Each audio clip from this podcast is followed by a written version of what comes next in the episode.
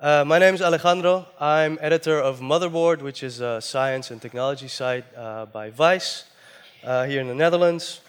And um, a couple of years ago, uh, we were filming a, documentary with Neil Harbisson, uh, who is uh, a cyborg. And because he has a, a, um, a camera installed on his head that translates color into sound. Uh, he does this because he's colorblind and he wanted to, you know, have some kind of feeling uh, with colors. Uh, in the video, we called him the first official cyborg uh, because, well, he in fact was the first person that was allowed to have an electronic device on his head on his passport photo. Uh, but technically, that was wrong. Um, since Mr. Professor Warwick over here uh, had a chip installed in, under his skin in 1998, a lot earlier than Neil Harbisson had it. So uh, may, there might be two lessons that you can learn from this. Uh, don't trust media, and um, Mr. War Professor Warwick is uh, the first actual cyborg. Um, it's a really, really big honor to be able to uh, introduce Professor Warwick tonight. Um, some people know him as Captain Cyborg. Um, he's one of the most famous and most esteemed cybernetics researchers, uh, well, around.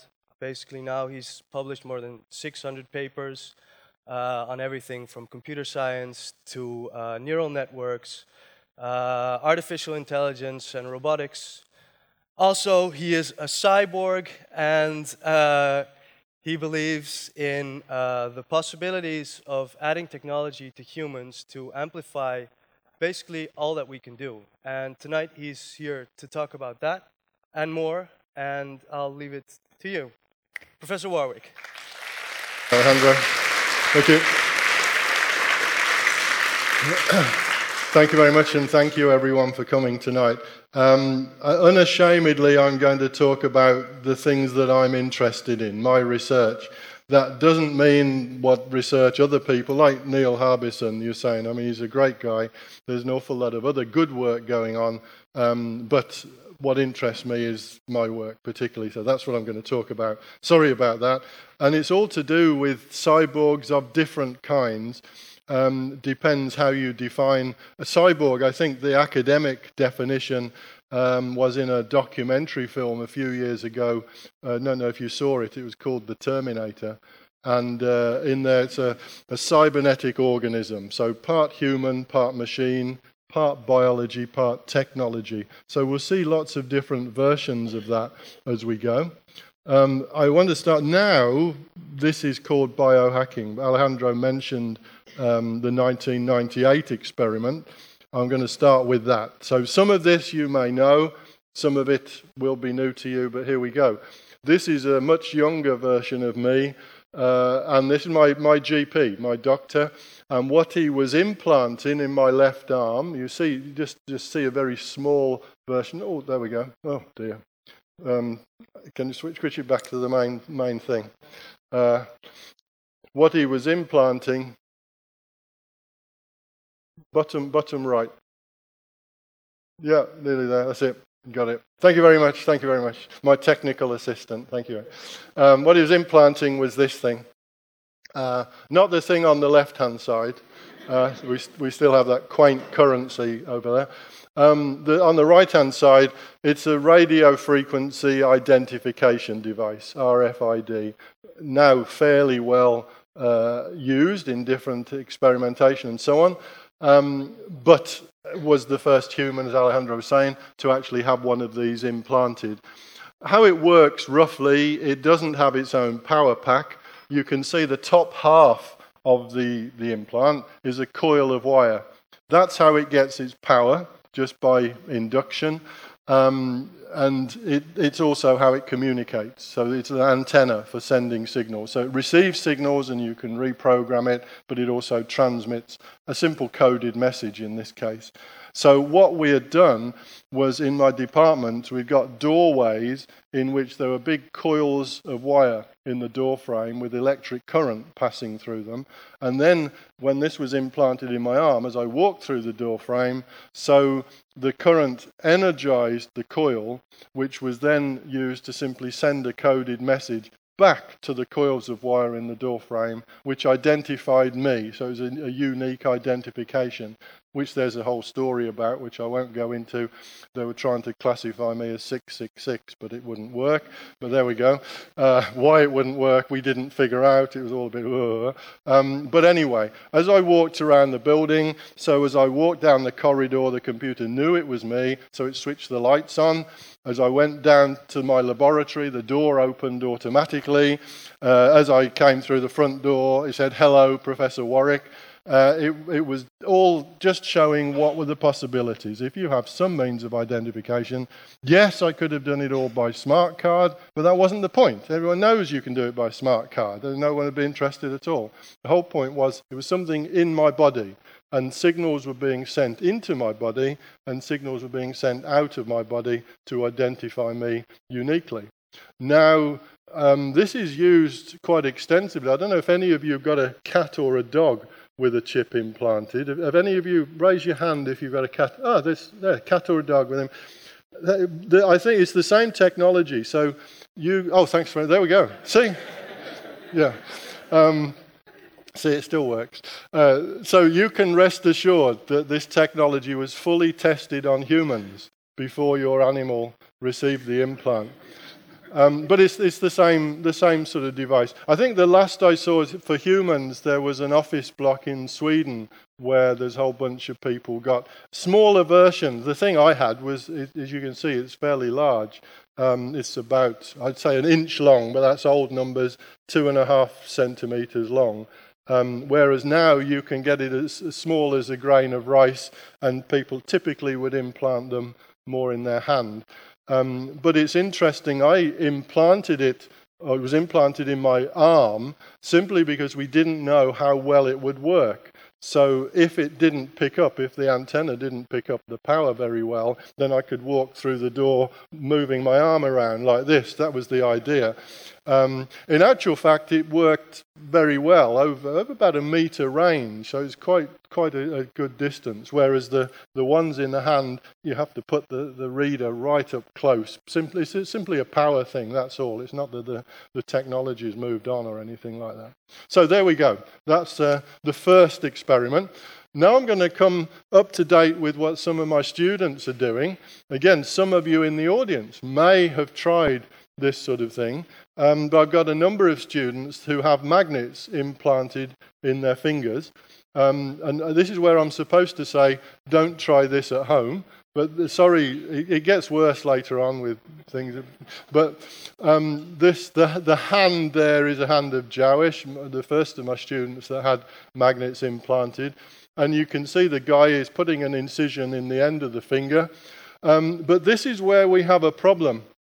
I don't know if you can see, but the, the arm of the guy that's, that's doing the operation, as it were, has got tattoos on it, if you can see the tattoos.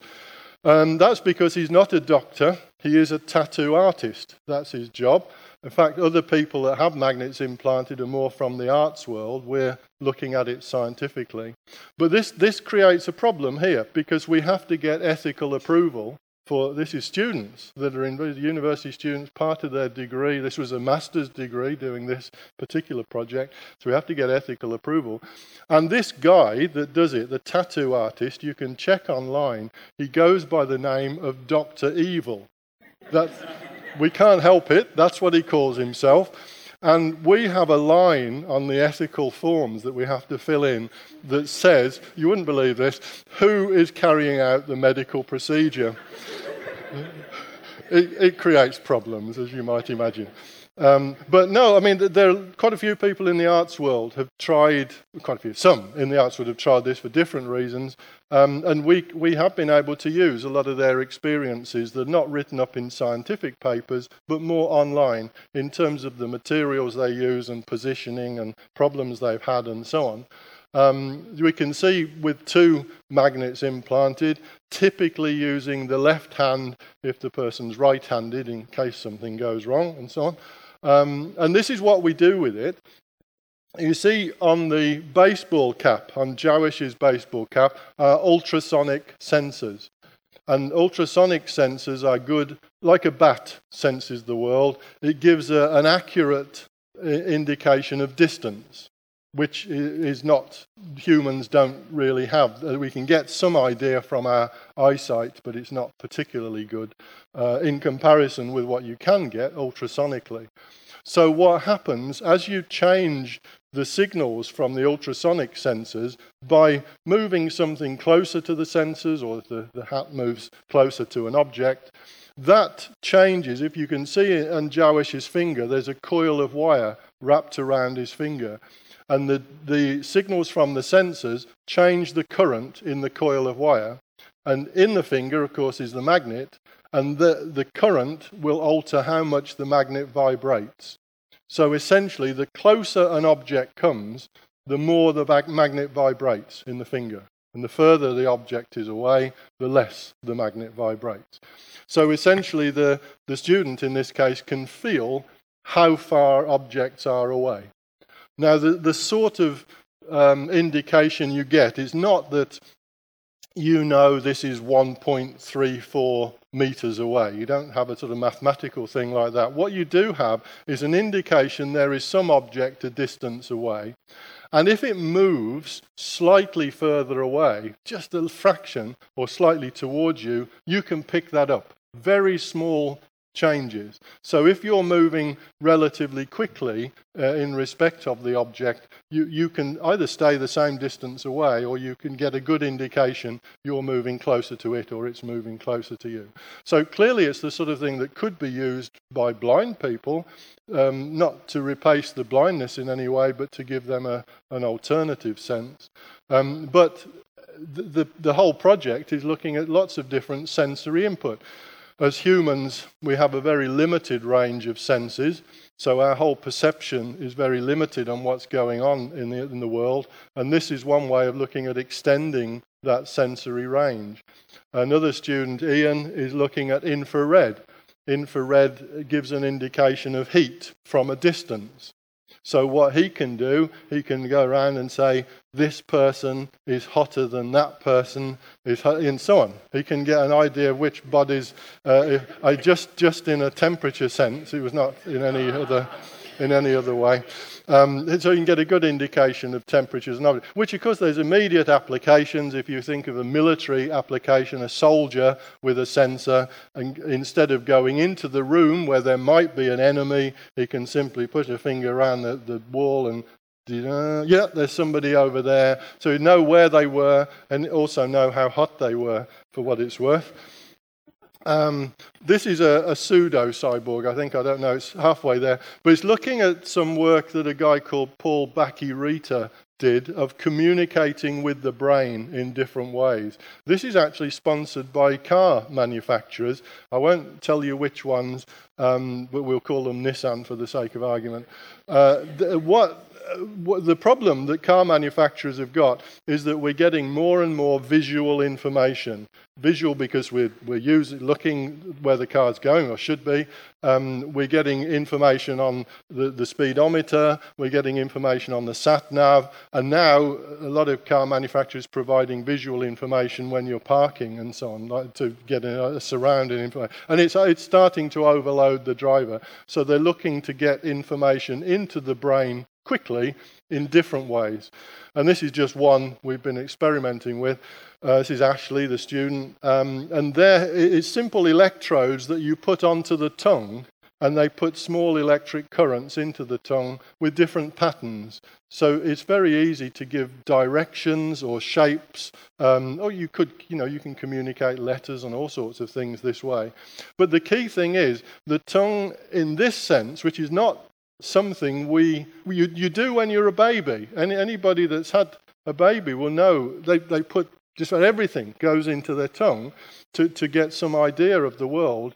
And they say, you seem to grow out of that for some reason. You lose that um, use of the tongue. Um, but this seems to be picking up on that. It's a very high speed route to the brain, very rapid way of communicating with the brain pieces of information. But uh, what I'm not supposed to tell you is actually when he was designing this project, he came to me the one day and said, um, Should I try milliamps or should I try microamps to stimulate his tongue? And I said to him, Well, being the considerate supervisor there was, um, best to try microamps to start with and see how it goes. And he came to me the next morning and he said, he, he hadn't quite got the circuitry right. Fortunately, he got over it in a little bit of time. But don't tell the ethical guys in the university about that, please. Um, now, for something a little bit different, uh, when you think of a robot, you tend to think of a computer controlled piece of technology, or maybe something that a human is remote controlling in the case of bomb disposal robots. But now we can start to think of robots that have a brain for themselves. Um, what I'm going to show first of all, though, is just to get you in the spirit, uh, is a clip from a program called Inventions That Changed the World. This is a BBC program, and you have to see if you can identify the, the TV presenter in this one, if you know who it is. Um, but it's just showing what technically the, the robots you're going to see, first of all, have compute microprocessors controlling them, and we'll see how it's now different later on.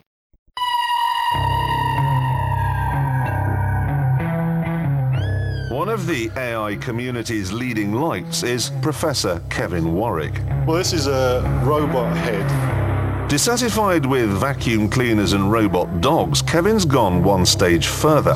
His cyborg comes complete with radar in its nose and an infrared top lip. Is it intelligent? Well, in a very limited way, I guess it is. It, it's, it's sort of a basic instinct. What do I do with this information that I'm getting? How do I move? Uh, how do I operate if this signal is different? So what's it doing now? Well, if you clap your hands... Oi, over here. Oh, it did it. It's making basic decisions. All we've got it, all we've got it doing here is programmed to make basic decisions based on that sensory information that's coming in. Getting the information in is nothing. That's like picking up a book. That's not an intelligent thing to do. Reading the book and knowing what the words mean, that's surely the intelligence. Many machines can read books nowadays, but it maybe it means something different electronically to the machine as it would mean to a human. Though the cyborg head does a reasonable job of sensing, it can't really interact with or explore its surroundings. It's fastened to its robot arm. And according to Kevin, it's only as intelligent as a dishwasher. If, if that's a dishwasher, yes. Wh- where are these in terms oh. of how, are they dolphins, chimps? I, I, think you'd have to say uh, it's about the 50 to 100 brain cell area. So realistically, you're talking slugs and snails. But a slug and a snail, they know to eat. They know. These things well, don't. They have, they have, some innate abilities. There's no self preservation with that. Well, we do have. This, this, the power supply, they don't have their own batteries they each have power they're picking up from the floor here. That's where they're getting their, their energy. That's where they're getting yeah. their food But from. if you turned off this section of the, of the, of the floor... If we turn off this section, here, they have a basic instinct to go and look for some power somewhere they else. Do they have will that. keep going to do that until they find some. So if I put him down, it should go off. Looking. So he'll have to go and look for power. Yeah. And I got to tell him to do that. No, it's it's an innate response for that robot. It's a basic thing of its life. Yeah, yeah. No, his, lights have come back on. Lights have come on. So, so hope, he's found power. He's happy now that it's getting power. Away to go. But these then are as intelligent as slugs. It, it's different. But in terms of numbers of brain cells and that sort of thing, yeah, we have slugs. Probably you could say we're up to bees and wasps, the sort of tens of thousands of brain cells, is about as good as you can get. Yeah. Bees and wasps. Yeah. Right. There we go. Um, the, but as I said, those robots were microprocessor controlled. And uh, what we've done now is to give them a brain. So if we look on the right hand side of the diagram, that's the, the technological body, the wheels and the ultrasonic sensors that you were looking at. The left hand side, you see it says MEA. MEA is multi electrode array. What it is in this case is a little dish with electrodes on the bottom of the dish. In fact, I'll, I'll show it here. There's, there we go. We see the dish with the gold uh, connections on it. The, me, the black rings are to stop the culture dehydrating because what we do is take brain cells from rat embryos, we separate them, these are living brain cells, we separate them using enzymes and then we place them on the multi electrode array. Um, what brain cells, neurons, do very quickly is start to push out tentacles and link up the tentacles so that they can communicate with each other. These are the dendrites and the axons. It's interesting to see neurons doing. Neurons, brain cells like to communicate. It's an innate thing. It's a, a genetic thing, if you like. They like to do that. So it's no surprise to me kids like to use Facebook and communicate because they're just doing what their brain cells want to do. It's, it's, what is there. And you see the brain cells doing that. After about 10 days, uh, we typically here will have between 100 and 150,000 brain cells in this little dish. It's a two dimensional thing that I'm talking about there and uh, they connect up, and after 10 days, we'll have quite a complex network.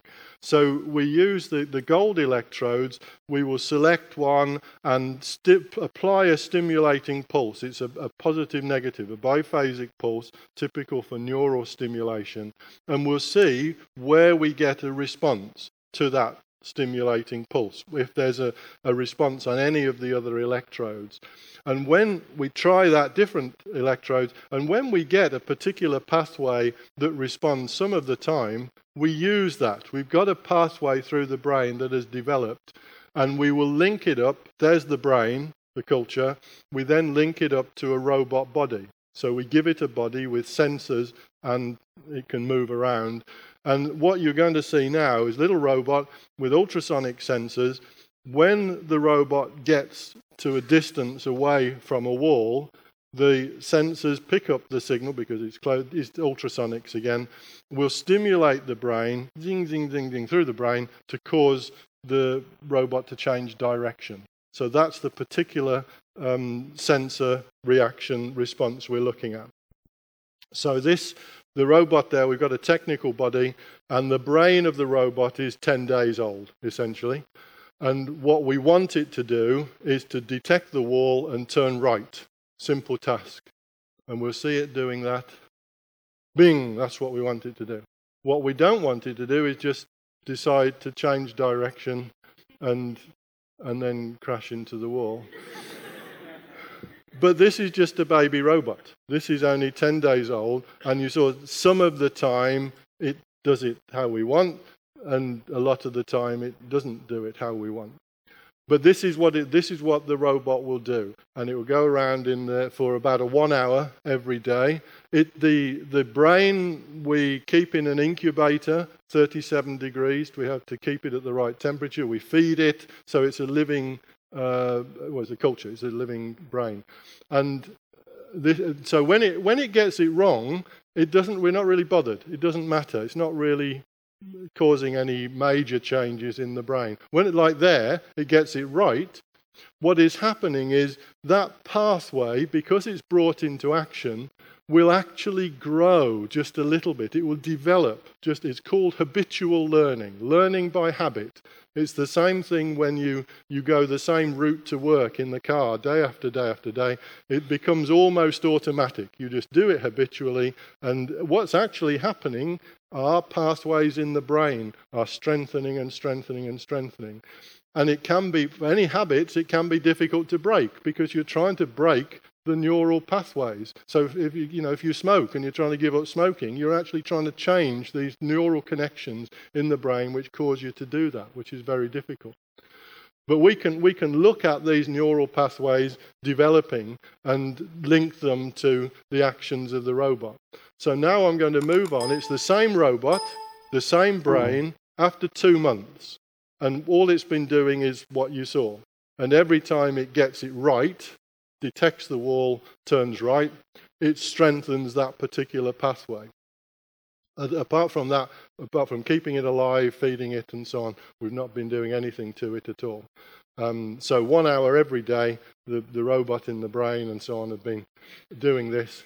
And you find fairly, it's, it's quite boring really. Um, this is a, I have to say, this is a, this is, of course, this robot has had a university education. Um, but it's, it's a model robot. It's, it's, they're not all that perfect. Sometimes, no matter how they still don't do what you want them to do, and so on. Some of the time they might. Sometimes they can be a bit hesitant, and so on. So they're all a little bit have their own characteristics because the brain will develop in a slightly different way. Um, and we can play around with the brain and, and, cut pathways and see how it can get over, like, almost like giving it a stroke. We can add neurons to it to try and enhance how it performs. Um, but uh, I said 100 to 150,000 neurons. We can also grow in three dimensions using a lattice structure. And that, because I'm a systems guy, so I like big numbers, and that takes the number of brain cells up to 30 million. Now, 30 million is starting to get a bit more serious. It's not the 100 billion of the human brain, but 30 million is, you know, it's a, a, reasonable. Okay, you, you wouldn't be happy yourselves with a 30 million neuron brain, but a lot of creatures in the world would be quite happy with 30 million neurons. Um, happy in the, that creature sense, whatever that is. Uh, 30 million, but also we can use human neurons. In fact, it turns out to be a lot easier for us to get human neurons. There's not so many ethical problems as there are to get rat neurons. Strange quirk, there we go. But it is problematic because the rat neurons learn a lot more quickly than the human neurons, I have to say, for all sorts of, as you know, rats, you know, a few months and they learn, whereas humans, 18 years, 20 years, and so on. Um, but there we go, different type of cyborg, a robot with a biological brain. Now, let's have a look going into the medical world. Um, now, Alejandro was saying at the start about cyborgs being where you've got an enhancement. We're going to look for a moment in the medical world where it might be more therapeutic, but there are enhancements is there in there as I'll try and describe. Um, deep brain stimulation is used principally for Parkinson disease patients, but also for some patients with epilepsy, um, some patients with depression, Tourette's syndrome, and so on. And typically, what's happened, you can see the spindle, um, the surgeon will drill down into the central region of the brain, the, the subthalamic nucleus or the thalamus, and then apply this spindle. On the end of the spindle are typically four or six electrodes at different depths. The reason for that number of electrodes is that the surgeon will try and adjust the height to see which electrodes to use in order to get the best response. If somebody, for Parkinson disease, if somebody has a left side and a right side Parkinson disease, then they will need two, you know, one in both sides of the brain, so they'll have two of these. So what you're going to see um, is a guy who has Parkinson disease, is a genuine patient with Parkinson disease, and he's received the deep brain stimulation. First of all, though, we'll just see how he is with Parkinson disease, and then the assistants will switch on the power packs, which are typically positioned here. Um, and then you'll see how he is with purely electron, in this case, it's just electronic stimulation of his brain. In two minutes, what uh, was uh, the status of Mr. Plessman when he was referred to us by his neurologist in, in Belgium. And you see him before surgery without drug, unable to uh, stand up by himself. He's helped by Patricia Limousin, who is a neurologist in our group, and he's not able to do anything of, as he will tell you, makes your life looking like normal. He's not able to walk. He has having dystonia, which are uh, muscular contraction, deforming the uh, different joints, and this is the best he could do uh, without the drugs, uh, with the help of uh, people around him and mainly his wife and friends. He was referred because the drugs were not working anymore. He was not having any more improvement, and as he will tell you, he was just stuck to a wheelchair. This is after surgery. You see the tremor we turn one of the two stimulators which were implanted in, with electrode into his subthalamic nucleus, which is a tiny part of the brain. And you see that uh, uh, in a few seconds, uh, the stimulation induces a stop of the tremor. Uh, this is still visible on the other side. We will turn on the stimulator on the right side. And uh, uh, you will see something even more spectacular than that. You will see that the patient feels again free, he moves, and he resets himself in his chair uh, in the position where he feels the most important. He will uh, obey Dr. Pollak in doing some tests, uh, even if he feels that those tests are a little bit uh, uh, useless uh, as compared to the feeling he has. He can do that almost normally. On the right side, should I do it longer, does he say? And uh, he will show it on the other side. And then uh, he will walk, he stood up alone, he's without any drug. You see him walking, turning. It was a few days before the Vienna meeting on movement disorder.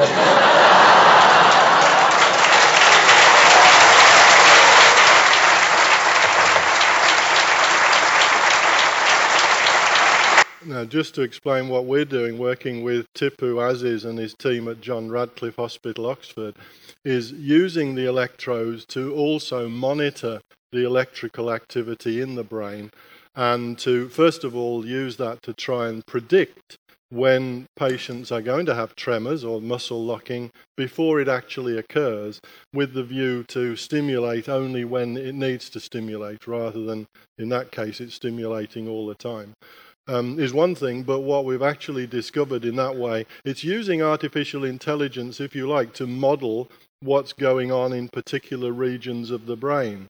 And in this way, we've been able to look at Parkinson disease and say, well, in actual fact, there is this type of Parkinson disease and there is that type of Parkinson disease and there's that. So defining it not just as Parkinson disease but into subcategories and hence to try and treat patients in a specific way. The treatment for this type can be very different to the treatment for that type. So it's using artificial intelligence to understand the workings of the human brain uh, in the, the Parkinsonian patient particularly. Um, and now the last thing, I know you know you're humans here, I think mainly, and feeling well you're limited in what you can do. Wouldn't it be great if you could have other abilities? If some of you can't think of what would be nice, here's some hints. Um, as I get older, my memory people come up to me, "Hello, Kevin, do you remember me?" No, I don't remember you. I can't. Uh, sorry about that. I say, "Yeah, yeah, I remember you." No idea who they are. Um, senses we, we've already looked at uh, how you can start to increase the range of senses. Why not sense in ultrasonics, infrared, ultraviolet, all sorts of ways that we simply don't as humans at the present time. The biggest thing for me is the second on the list, though, communication. Because I mean, I, I have a bit of a telecoms background, and for me, it's it's embarrassing that we still communicate like this as humans. I mean, it really is pathetic in comparison with technology. When you think about it, we have highly complex electrochemical signals in our brains, our thoughts, feelings, emotions, images. That's what's going on in our brain. Very complex. You know, how can we model it? We can't model it, and so on. But if we want to communicate some of those feelings or thoughts to somebody else, what do we do? Well, we take this highly complex electrochemical signal and we convert it to a mechanical pressure wave. That's what, that's what my mouth is doing. It's converting this complex signal into this very trivial pressure wave. Or we do it, let's say, mechanical signal again, converting my thoughts into something going like that. You my thoughts aren't like that at all and then the signal will travel, and the person, the ears, will convert back from a mechanical signal into an electrochemical signal. And of course, even when you've been married for 20 or 30 years, you still, she's got no idea what it is I'm talking about. Wouldn't it be better if we could just send the signals directly? That's what technology does. We don't get computers com- converting the signals into sound and we have you know, computers talking to each other. No, they send signals electrically. Why can't we do the same? just send signals brain to brain directly, maybe we could start understanding each other a little bit more. So for me, communication, uh, and particularly the possibility of communicating more towards thoughts, is an exciting research project to look at. But just to try and open things up a bit, this is Campbell Aird, who's lost his arm due to cancer, and he's been given this robot arm. But you'll see with his left hand, his human hand, if you like, he's flicking the switch to control the hand and the wrist, which sort of seems to be defeating the thing. Um, some of them will have muscular, you have to move muscle to move the hand.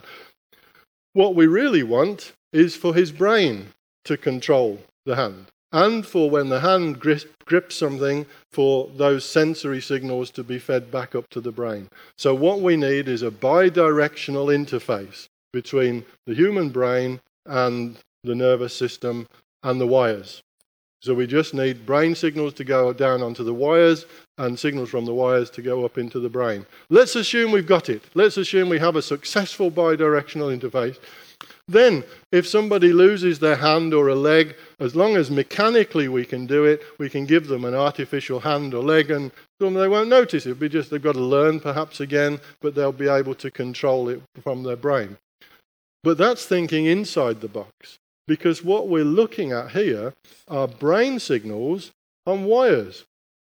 Hey, if we've got signals on wires, we can send them where we want. They don't have to stay in a leg or an arm or something like that. We can plug this nervous system into the internet and send those signals to different countries or different planets or whatever.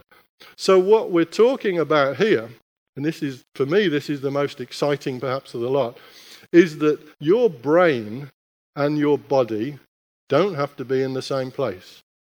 Your brain can control, your body can be all over the world if you want. You can have, now even Hollywood hasn't gone to this one yet, and you, you can move things, you can operate things directly from you. As all we need is that bidirectional interface that's successful. Simple thing. So, um, this, this is me on the operating theatre at the Radcliffe Hospital in Oxford. Um, in fact, the, there were four consultant neurosurgeons. Amjad on the left, I was having dinner with the other night. We're talking about the next project, but I'm not going to tell you what that is just yet. Um, and what they implanted was this device. Um, it's called the Utah Array um, because that's where it's from. That's Utah, not Array. It's not from Array. Um, and it's also called, we, we, were in competition with Americans, and because we beat them to it, um, they, then, they then renamed it as the Brain Gate, so it's also called the Brain Gate. It's the same thing. Um, and this was implanted into the median nerves, the nerve fibers in my left arm. And I've got a little clip from Discovery to show some of the things that I could do. One man in tune with technology is the world's first cyborg. Part man, part machine. Kevin Warwick, cybernetics professor at Reading University, England, took a leap into the future as long ago as 2002. For three months, a silicon chip was implanted into the nerves in his arm. At that time, no human had had an implant of this type before. It was a procedure that until then had only been tested on chickens. Would the body reject it? Would it affect the way I moved or, or my sensory capabilities? I, I could have lost the use of my hand. Could it affect my brain? Ultimately, could have sent me crazy. Kevin was plugged into a computer which monitored the nerve signals from his brain to his arm, receiving and transmitting them as radio waves. With the signals from his brain, Kevin could not only turn on lights, he could control a wheelchair. And from 5,000 kilometres away via the internet, he succeeded in getting a robot hand to mimic his own hand movements. His most impressive experiment involved his wife, Irena, also having a chip implanted in her arm. The communication experiment between myself and Irena was vitally important to me. This was the highlight of the whole experiment. Kevin wanted to discover if it was possible for his brain to receive and feel signals from Irena's brain.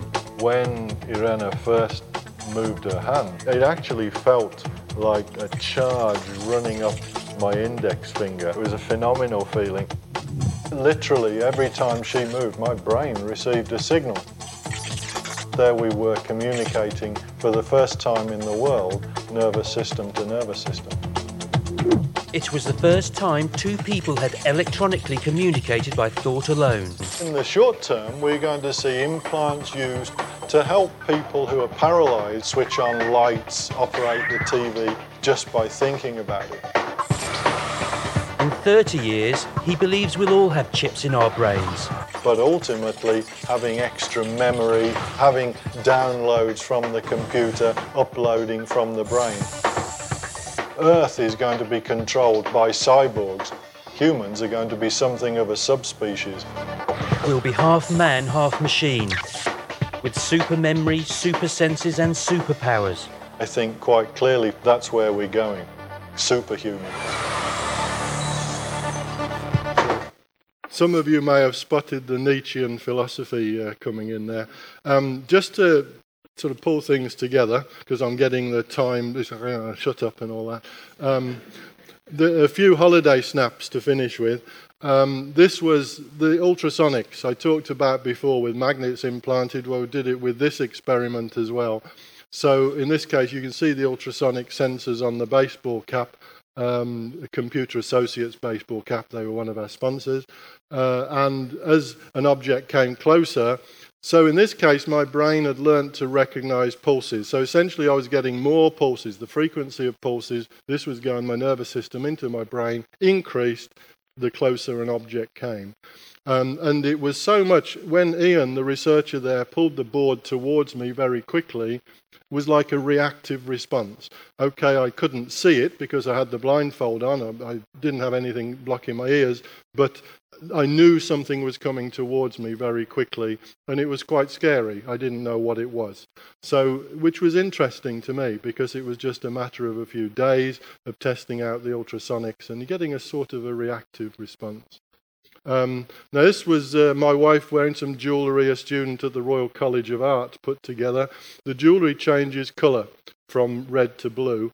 I think perhaps the best way of describing it, if, if you can set the scene, I'm calm and relaxed. My wife's jewellery is blue. I start getting excited, and her jewellery flashes red. She doesn't work in the same place as me, so she's there in her office. The jewellery is blue. Fine. He's not doing anything he shouldn't. And then it starts flashing red. What is he doing? And perhaps more importantly, who is he doing it with? So I don't know whether that's a good idea, but. Uh, um, this was at Columbia University where we did the hookup via the internet. This is uh, New York. Um, you, you, know, you've got to go to America and do it, so it, it means something more perhaps. Um, but we linked up to the robot hand, which was in the UK. So when I opened and closed my hand in New, my actual hand in New York, my neural signals were also sent across the internet to open and close the robot hand. And when the hand gripped an object, signals were sent back from the fingertips of the robot hand to stimulate my nervous system in New York. So I could feel how much force, very simple signal, how much force the hand was applying to an object. And what I was trying to do, if you like to call it the egg test, was just to get the hand to just hold an object without uh, applying too much force. And then the final thing, which it talked about in the, the film clip with my wife, she actually had two electrodes pushed into her nervous system uh, without anesthetic, and uh, we linked our nervous systems together electrically. So when she closed her hand, my brain received a pulse. So it was like a very simple telegraphic communication. So experiencing that. And uh, we got a very high success rate with that. When I closed my hand, um, she received a pulse and so on. So we were able to communicate telegraphically, nervous system to nervous system. I think that'll do me. I'm getting the wind up signals. Hope you've enjoyed it. Thank you very much.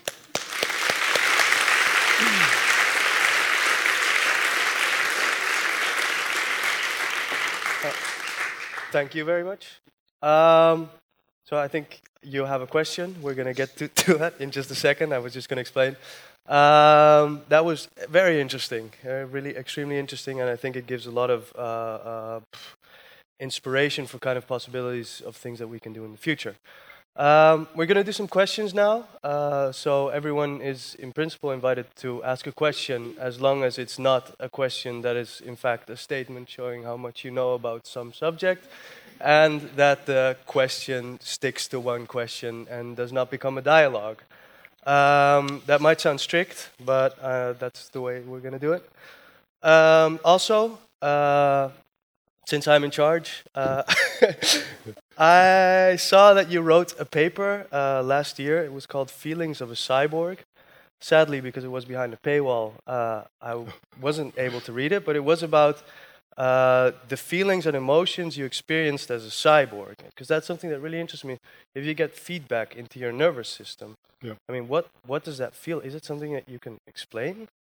Uh, no. um, well, um, what happens is your brain makes the best sense it can of the signals.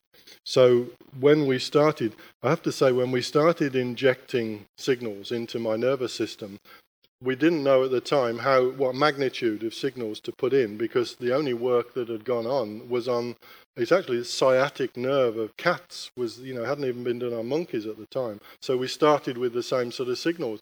And first of all i didn't feel anything. So we were pushing current into my nervous system. No didn't experience. Um, so we increased the magnitude and tried again. No still didn't and uh, you know at night we say well are we going to try a bit more magnitude yeah, come on, yeah, you know, we. But it was it was getting quite. Heavy. But in the end, I started to feel pulses. But how it felt at first was, as I sort of said in the clip, like a charge running up my finger. So a pulse we'd send in. Now it wasn't a charge running up my finger. It was an electrical signal we were pushing in. You do push charge rather than current, but it was into my nervous system, and that was the sense my brain. My brain was saying that's like an electric current in my finger. But then, when we were doing that every day for several weeks, and in the end, my, my brain just recognized the pulses. It just tuned in, oh, that's three pulses, that it didn't think of it in terms of charges up in the finger. So, when subsequently the ultrasonics was there, I was just receiving pulses which my brain was linking to distance. Bing, bing, bing, bing, bing. That's like you get in a car. You know, you get in a car, bing, bing, bing, you're getting close. Well, I was getting those signals that my brain was understanding um, as you were getting close. But is that? I mean, the, sorry, it's just really incomprehensible to have a kind of extra sense. Hmm. I mean, does it does it feel like I don't know? uh, I just well, it feels it feels pretty cool, um, it, but but also you do start. I think perhaps more so if I take the experiment from New York when when I did that and I was moving my hand and this robot hand was moving on another continent, and for me I hadn't got my head around that before we did it, but thought, hey, this is powerful. You know, we were just doing it as a research project, so just to show. But hey, what could you do with this? Mm. All sorts of things crop to mind, and lots of you don't need Yeah. to go to. So, so there, yeah, you do try and get around what could this mean. So there's lots of new emotions waiting for us to kind of experience. Okay, um, so now we're going to do some questions from uh, from the audience. Uh, I think if you have a question, just raise your hand, and I'll point to you, and someone with a microphone will come your way. Let's start over there and at the top.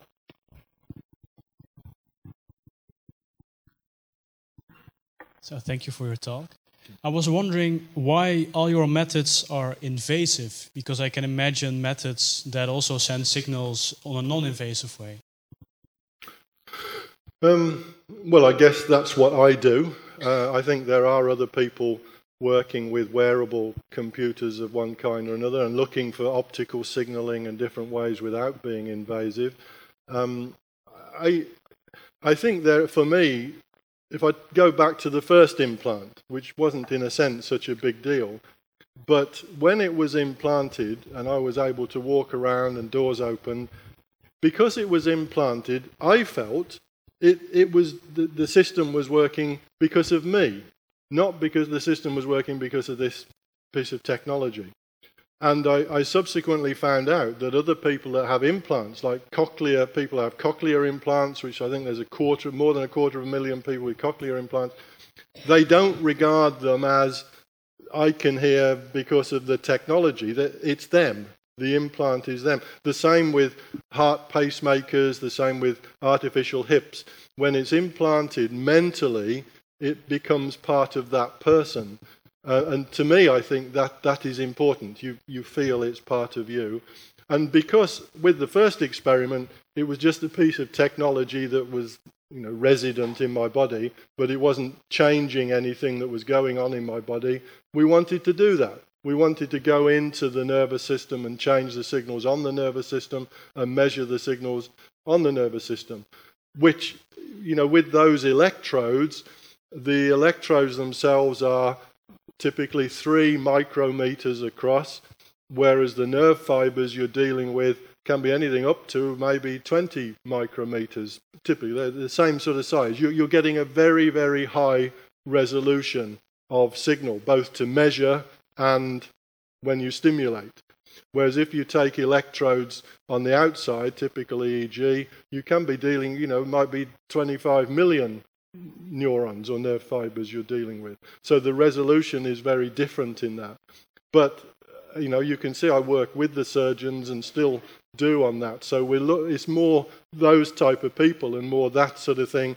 The um, the implant I tried, the surgeons were looking at could it be used to reduce or remove pain by injecting signals. So that was one thing they were interested, you know, electronically remove pain. That was one thing the surgeons were more interested in.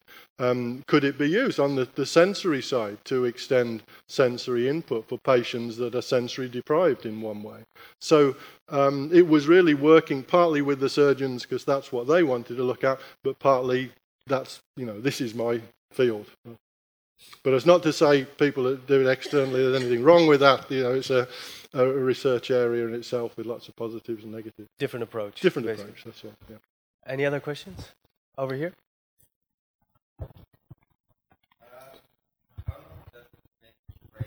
for it to interpret? Ah, perfect. Hmm. How long does it take your brain for it to interpret a new sense, like distance or whatever, uh, in an intuitive level?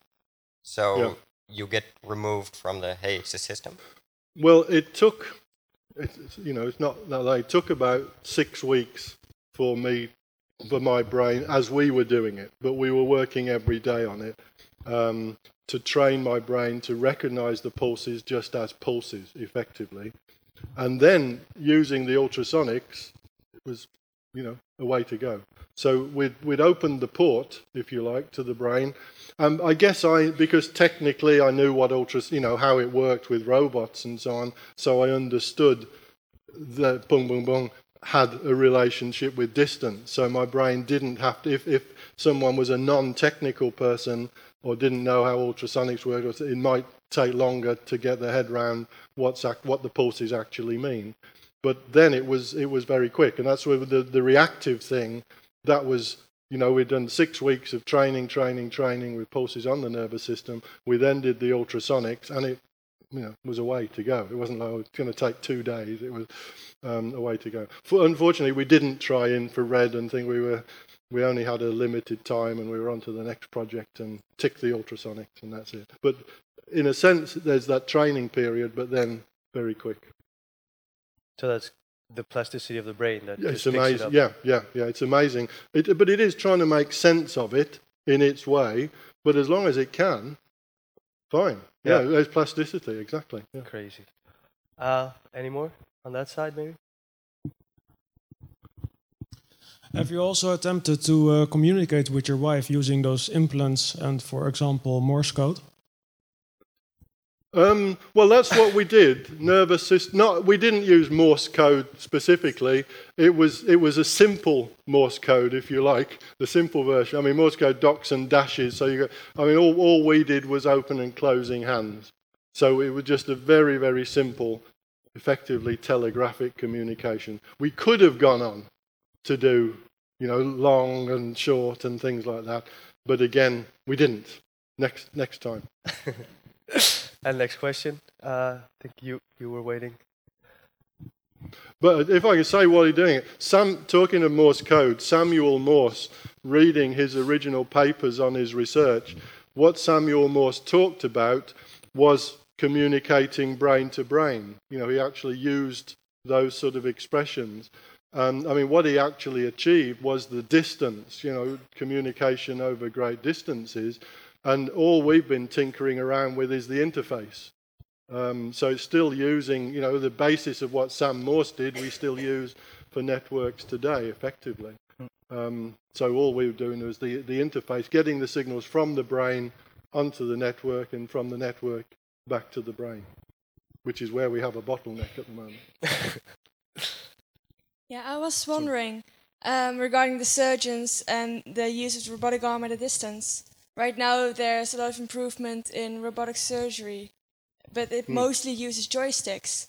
Do you foresee a future where a surgeon could actually, at a distance, uh, for example, a, a great cardiac surgeon could just operate on a dummy, but it would happen on the other side of the world? Well, do you foresee it? Um, I would love to. I mean, for me, it's obvious it's going to happen. Yes, um, you know, it's it's it is just a case of how long will it take. I mean, and it's probably more held back through ethical concerns as much as technology. Um, but I mean, I one thing I've found is that the surgeons, there are quite a few surgeons, certainly the ones I work with, that have a very open mind and wish to explore what the possibilities are that can help push things forward. And so I'm sure there are surgeons that are quite willing to test and try that. Because I mean, it could it could save lives, so change lives. Definitely. Maybe on that side again. No one. Uh, yeah. Over there on the on the side. Yeah, I was wondering how does that chip actually communicate like with the outside world? Because I can figure it like being in your arm, doing its little thing, but uh, how do you get data from it? Yeah, I mean, all the call it a chip is. I mean, the the first thing I did, the RFID, is just a you know a coil of wire and some stored memory, and that's it. Um, the other one is is just a plug. Really, it's 100 electrodes that instead of putting the plug in a socket, they were fired into my nervous system. Um, and there's just wires, platinum wires from those electrodes. Uh, and either you, you can, you know, buy a A to D converter, just plug it into a computer if you want. Or as we, I, I was wearing a little gauntlet. I think it might be shown more in the, the motherboard clip you're showing earlier. But wearing a little gauntlet, and all that had was again an antenna for sending signals to the computer and a power pack and a bunch of electronics on it in order just to um, manipulate the signals a little bit to, to, you know harness them a little bit but communicate directly to the computer and off to the internet. So it's just standard technology. However as we were talking earlier um, we designed the circuitry first of all and designed it based on what it said in the medical textbooks and what the surgeons had told us, uh, which was to transmit signals from the nervous system up to one kilohertz. The medical textbooks say the maximum signals you're going to get on the human nervous system is one, one kilohertz. And we found, we started off straight away and found, hey, we're getting much higher frequencies that seem to be meaningful. We could start very simply movements and link the frequent different frequencies and signals um, up to maybe seven or eight kilohertz. Well, hold on, maybe we're doing it wrong. But no, we persevered. So we redesigned. Unfortunately, it held us back for about a week or so to start with. We had to redesign the circuitry, rebuild it, so that we could transmit much higher frequency signals, which we then subsequently did and benefited from that. And eventually we found out what the problem is, or was, um, is that most methods use what's called the patch clamp technique, standard, which is like a um, uh, electrodes pushed into the nervous system to measure uh, the signals, the frequencies on the nervous system. And the patch clamp technique has a high frequency cutoff of one kilohertz. um, so what we're, what the medical world is faced with is they're only going to get one kilohertz because that's the measurement technique that's used. Uh, which means that you're missing out on quite a lot of high frequency information off the nerves. I'm sure if you pick up a textbook, as there was the high, you'll find it says one kilohertz. Probably, hopefully, they'll change it eventually. But there we go. Thanks. Um, over here, maybe another one. Over there.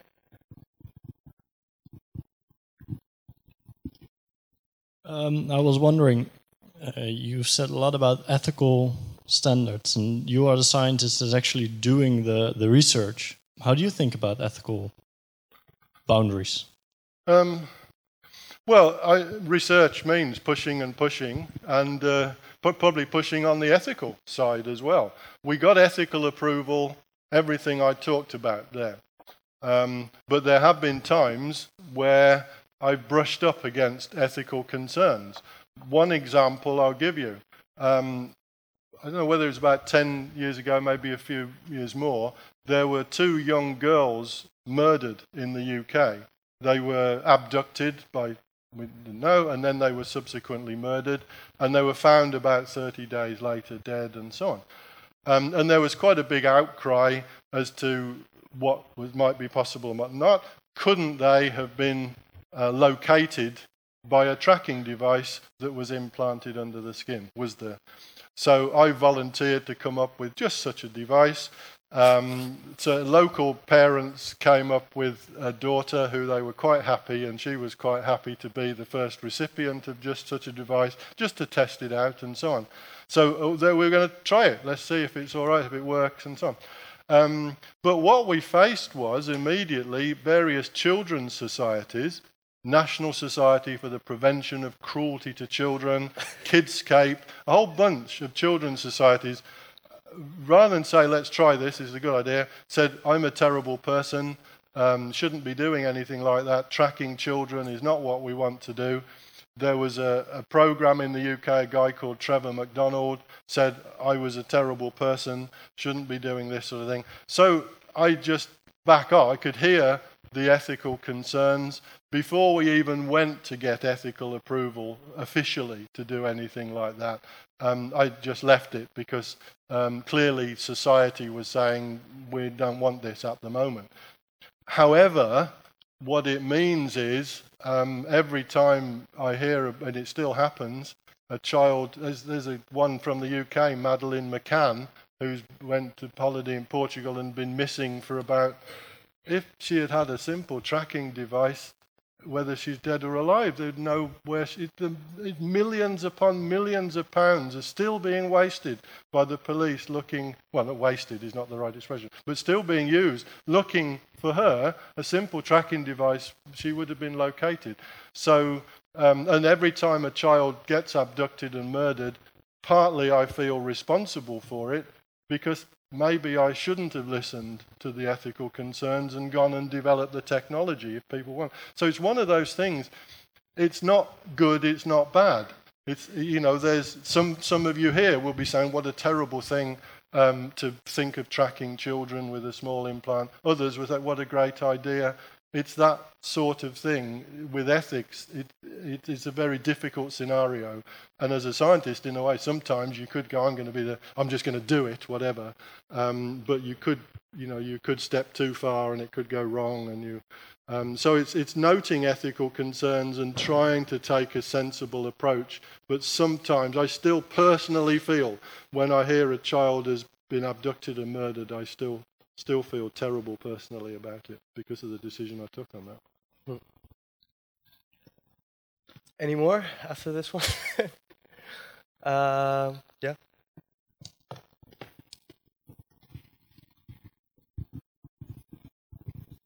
Yeah, basically, in one of the videos, there was something you said about that you expect within 30 years uh, we will all have an implant in our brain. Um, concerning the previous question about the ethical concerns, do you really think that society is ready within the next 30 years to have uh, the majority of us to have an enhancement? Do you not think that there will be too much outcry uh, over this? Do you not think that there will be a lot of resistance? Um, the answer is I don't know. Um, we know that technology, you know, could well be there. I think one element is what would people be gaining from it, and if we're talking here, my main drive there is being able to communicate directly by some form of thinking to each other, brain to brain communication. Now, I, I go by, I say I used to be in telecoms years ago. Work, I worked for British Telecom. And when I was there, this is not that long ago, it's a 30 year scenario, maybe, maybe it's a little bit longer, but uh, not much longer. And what I learnt was at the time cell phones are, it's a nice theory, it's a research project, but it will never actually come about practically because people will not want to have masts everywhere, which we'd have to have. The coverage will be very poor. All sorts of a whole bunch of reasons as to why cell phones would never be a practical reality in life. And as we see, we, the, the, because of the ad, again, it's communication. Because of what we get out. I mean, how, who, who here does not have a cell phone? Think I'm actually going. I know it's just a straw poll, and maybe there are people without. So I'm probably the worst. I, I switch my cell phone off and get all sorts of problems for, for different reasons. So I think it's very difficult. If, if we, if you and I had gone back maybe 40 years, then we would have said, no, cell phones will never uh, become come about because there's a whole bunch of practical reasons, and because of society and people at that time didn't want it. Laser eye surgery is another thing. If we went back only 20 years and I said to you, what I'm going to come, You've got wearing glasses, I'm going to blast lasers into the back of your eyes, you'd have said, you you're a crazy guy, don't come near me. Um, and yet now, now people will say, no, I don't want to wear glasses, I, I, I want laser eye surgery. I, it, and it's with a very short space of time, that's become something that was highly dangerous. No one will want it into ethically something that that's what people want. There are commercial aspects in it. There are obviously some scientific developments, but it, it is so difficult to predict. Um, but I, you know, I have to let's challenge. You know, we're all going to have this. Maybe we are, maybe we won't. In 30 years' time, people say, oh, you got it horribly wrong. We haven't all got it, only they'll, they'll find reason to pick up on me. It's, But a, possi- possibility. it's a possibility. And it does depend on scientists like myself and many, many better than myself working, researching in the field to push the technology forward. More experimentation in order to find out. More funds. More funds, yes, yes. Uh, yeah, we'll have another question. Maybe you're at the front.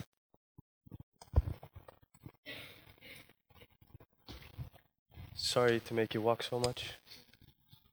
Uh, in the beginning, there was a clip. You were interviewed by these uh, this uh, BBC personality. I forgot his name. He's Yeah, yeah. yeah. Uh, Him. Yeah. Okay. And uh, he asked you about uh, the intelligence. If if there was intelligence in this machine. In Yes. this. Okay. Um, uh, you probably have heard about the uh, Turing test. Oh, yes. Yeah. okay. Um, uh, Mr. Turing didn't give any uh, questions. Uh, uh, the questions you could ask uh, computers, whatever, um, intelligent. What questions uh, would you maybe ask um, a computer to find out if it has any consciousness? What what kind of questions would you ask? I, I, I- thought I- about it. I can I will. I can think of it. I don't know that I'm going. I, I can give you some examples because I do a lot with practical Turing tests. You know, based on what Turing said. So, you know, if we have time, I can probably show some examples and see if people can detect whether it's a machine or a human. Um, do I ever get a chance if I ever? Yeah, yeah. How long we go? Can we try that? Um, so, I'm based on that. But I'll, I'll go to what Alan Turing actually said about machine more machine thinking and not so much the consciousness, because consciousness is a a can of worms for philosophers to go into. But uh, what Turing pointed out was machines are intelligent, machines think in their way, and humans are intelligent and think in their way, and the two are different. And I, I go along with him. I, I believe the same thing. Just as, you know, if, if, if a cow was in here or a spider, the, there we probably do have some spiders. The intelligence of those creatures is different. And, you know, would the spider be conscious? I, probably yes. You know, I, I'm not I'm not God to say no, you're not conscious. Probably a spider is con- in its way, in its way, and the consciousness of a spider very different to my consciousness or humans. You know, it probably doesn't read the paper in the mornings. It doesn't do this, but it can do all sorts of things which I can't do. But a machine. But a machine is conscious, possibly in its own way, a different way to humans. All, all the Turing test does is a communication test in terms of a machine trying to pretend to communicate like a human um, so that you can't tell the difference between. It's still an interesting question. I mean, would, would there be a question that you could ask a computer which would show some kind of hint of a conscious or self consciousness? Well, I mean, what the machine is trying to do is to fool you into thinking that it's human. So, in that sense, then you, I mean, you, you would have to say it's conscious. If you, if you at the end of a test say, yeah, I've just been communicating with a human. And by definition, if you like, the human is conscious. And, but it's not a human, it's a machine. But he doesn't understand what he is doing. Then I we're think. into another. Then we're into another step. I mean, you- when you're into arguments, does another human understand what you what you've said or what you've done? You don't know. I think we're getting a bit deep here. But it, no, but it, I mean, it, it's it's deep, but it's it's intriguing philosophy. It's very Um, intriguing. Can I can I can you keep the audience and I will try and dig out. Oh, yeah, absolutely. uh, just as a test. The, what, what, are you going to show us? Maybe you can tell us why you're looking Um, for it. This is from practical Turing tests. So what I'm going to show for the audience, what you'll see, that, that what Turing had stipulated was a five-minute uh, conversation between an interrogator and typically a machine and a human, and at the end of the test, you had to decide which is which. So what I've got are some five-minute, these are actual transcripts, mm-hmm. and you have to look at it and say, is it human, is it machine? That's, that's it. Yeah. So this is actual practical, this is practical Turing test. And decide at the end, you know, if you're saying it's human, then you're implying that it has, con- you know, what all of the attributes that go with being human. You know, you, you're conscious, you, you think, you're stupid at times, you, you know, etc., etc. Would this uh, go go ahead? Go keep on, please, with the computer while you're doing this one. Yeah. Would this be from the test? Um, I think it was a couple of years ago. Uh-huh. this is. Uh, Uh-huh. This is where my eyesight is not so good, so. But I think in 2014 something pretty interesting happened, and I think Oh, you yeah. were involved with that. Oh, yes, very much so.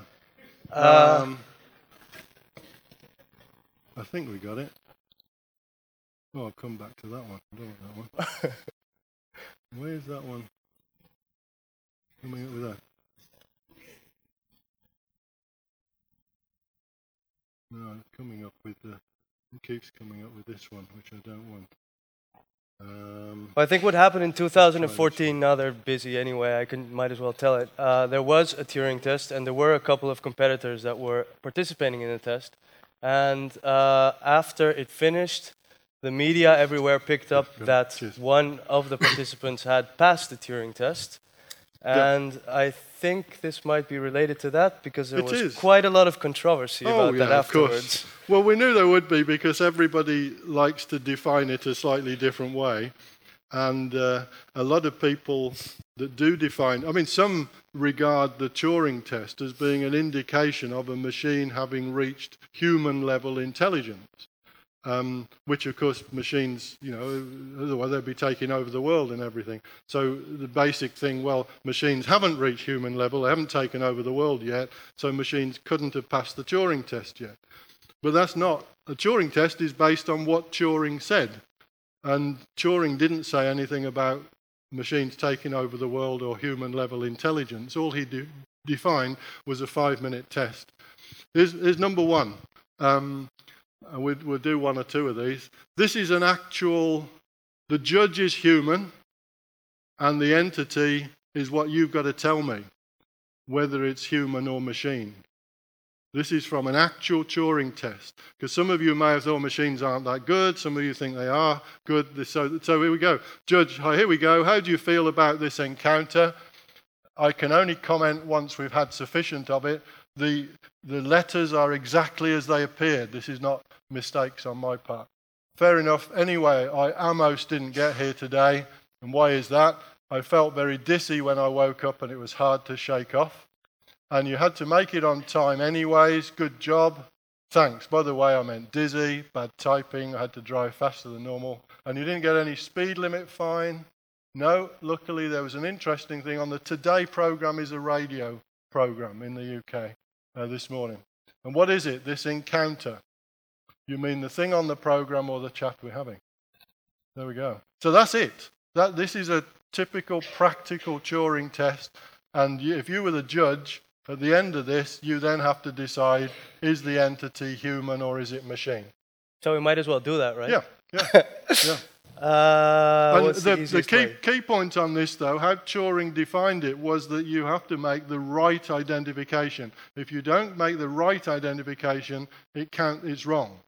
And the machine wins. So if you don't answer, if you, we're going to ask you to put your hand up if you think it's human. If you don't put your hand up, that's a point for the machine anyway, is, is, is how it works as defined by Turing. Computer always wins. Okay, so uh, put your hand up if you think it's a human. No? Okay. Four or five, maybe. Go on, try the machine. You have to. The machine? I think I think the majority. Does does the clipper work on this? Uh, probably.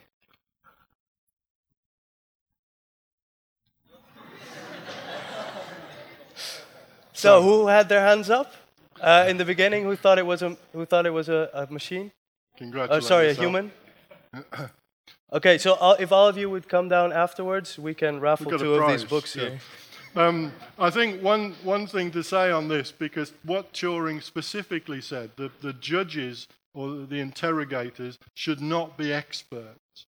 And unfortunately, when you're running these tests, the majority of people who want to be involved with it are computer scientists and AI and systems people. And um, Reading, there's Microsoft and others. You get all those guys. Philosophers love to be involved with it. Um, philosophers make an awful lot of mistakes, I can say. But this, this particular judge here that agreed with the the vast majority here thought it was a machine. So did the judge in this case. So the, the this was a human being misidentified. And the judge here was an expert, a, a professor of artificial intelligence. Um, maybe it was that last line they said about the encounter and things like this. So we, uh, this one you might like. Hey, just to lighten the mood a little, what's brown and sticky? No idea. What's the answer? a stick? So, anyway, what's your name? Sheldon Cooper, what's yours? It, this, this is, there is a program called the Big Big Bang Theory, if anybody says. If you haven't seen it, watch it, it's brilliant.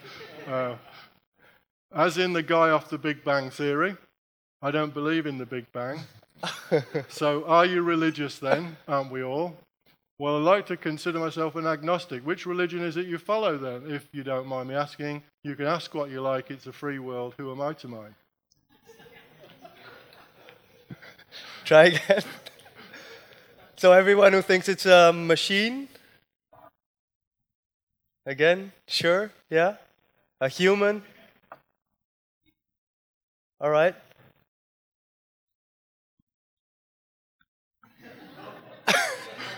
oh, but that's. no. Was he doing this on purpose? It's me. It was me. Were you doing it on purpose? I, I have to say, for these tests, I was acting, I hadn't done it before, I was acting as a hidden human, and I was just being me. That, that's what I'm like. Um, when, when my wife saw the transcripts, and she looked at it and said, Well, that's just typical. You're always like that. Um, you know, it's going off at tangents. And in, in fact, there quite a few awkward, if that's the right word, academics have been decided to be machines on the same basis. I think what judges tend to be looking for are sort of expected responses from humans. And but some humans are not like that. They I mean you know when we were having dinner upstairs and you say one thing and I was shooting off and something else. That's just typical. And trying to be a bit funny but failing dismally, which is coming in there. Um, so typical humans are a bit quirky in many cases, and it's very difficult to pick that up in these sort of tests. So it's not, uh, this is the beauty of the Turing test, which I love.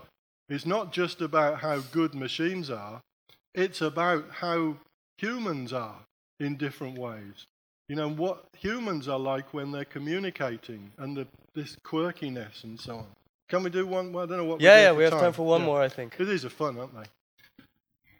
Hello, how are you? Hey, Bletchley Park is where we were, I should say. How do you like Bletchley Park? I think is it lots of laughs, laughing out loud. Laughs out loud. Yeah. Are you from England? They have Wi-Fi here in the pub. Which pub? I'm just down the pub. have, have you ever been in a Turing test before? Will this be the five minute argument, or were you thinking of going for the full half hour? you have to be a Monty Python fan to understand that. It's a Monty Python. Very funny, you sound suspiciously human. Do you like the Beatles? I'd like to get the next Dread the Fear tape. What is Dread the Fear? Dread the Fear has that Steve Henderson guy in it. What sort of music is that? Or is it comedy? There you go, that's the five minute. These are not easy, are they? So, let's go again. Who thinks it's a machine? About half human, half. Yeah, people are getting one now. If that was this one, no, no. statistically speaking, what is this going to be? it was a machine. Um, but the, the judge, reason for showing this, the judge in this case decided that they were adult, human, male, native English speaker. So lots of qualifications on, and may, maybe humour, and this is interesting, the humour that was thrown in the Monty Python thing was, was sufficient. You know, talking about consciousness in this case. I mean, what did, what did you answer to that one? Okay. But some people didn't. Some people thought it was human. Because the answers were not very direct. But the answer, the previous, what did you answer the?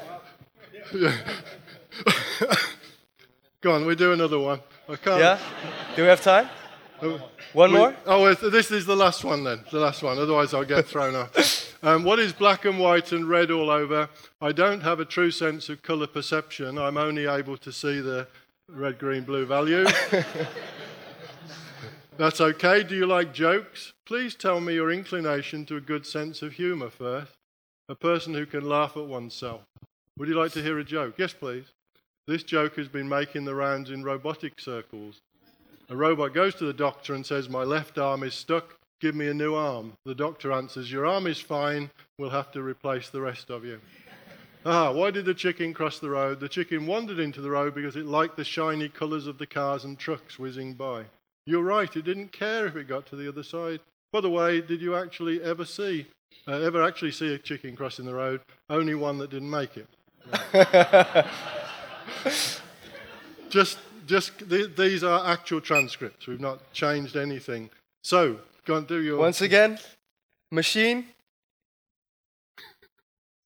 no one's voting anymore. Human? All right. Oh, human, human. Who thinks human? Most think human. You suck at this. And again, the judge this time decided it was a teenage male human, um, gave it all sorts of characteristics you would associate with someone who was conscious. Um, again, that may be the use of humor again. Hope, So- you, en- hope you enjoyed those. So. Thank you very much. That was fantastic. Thank you so much.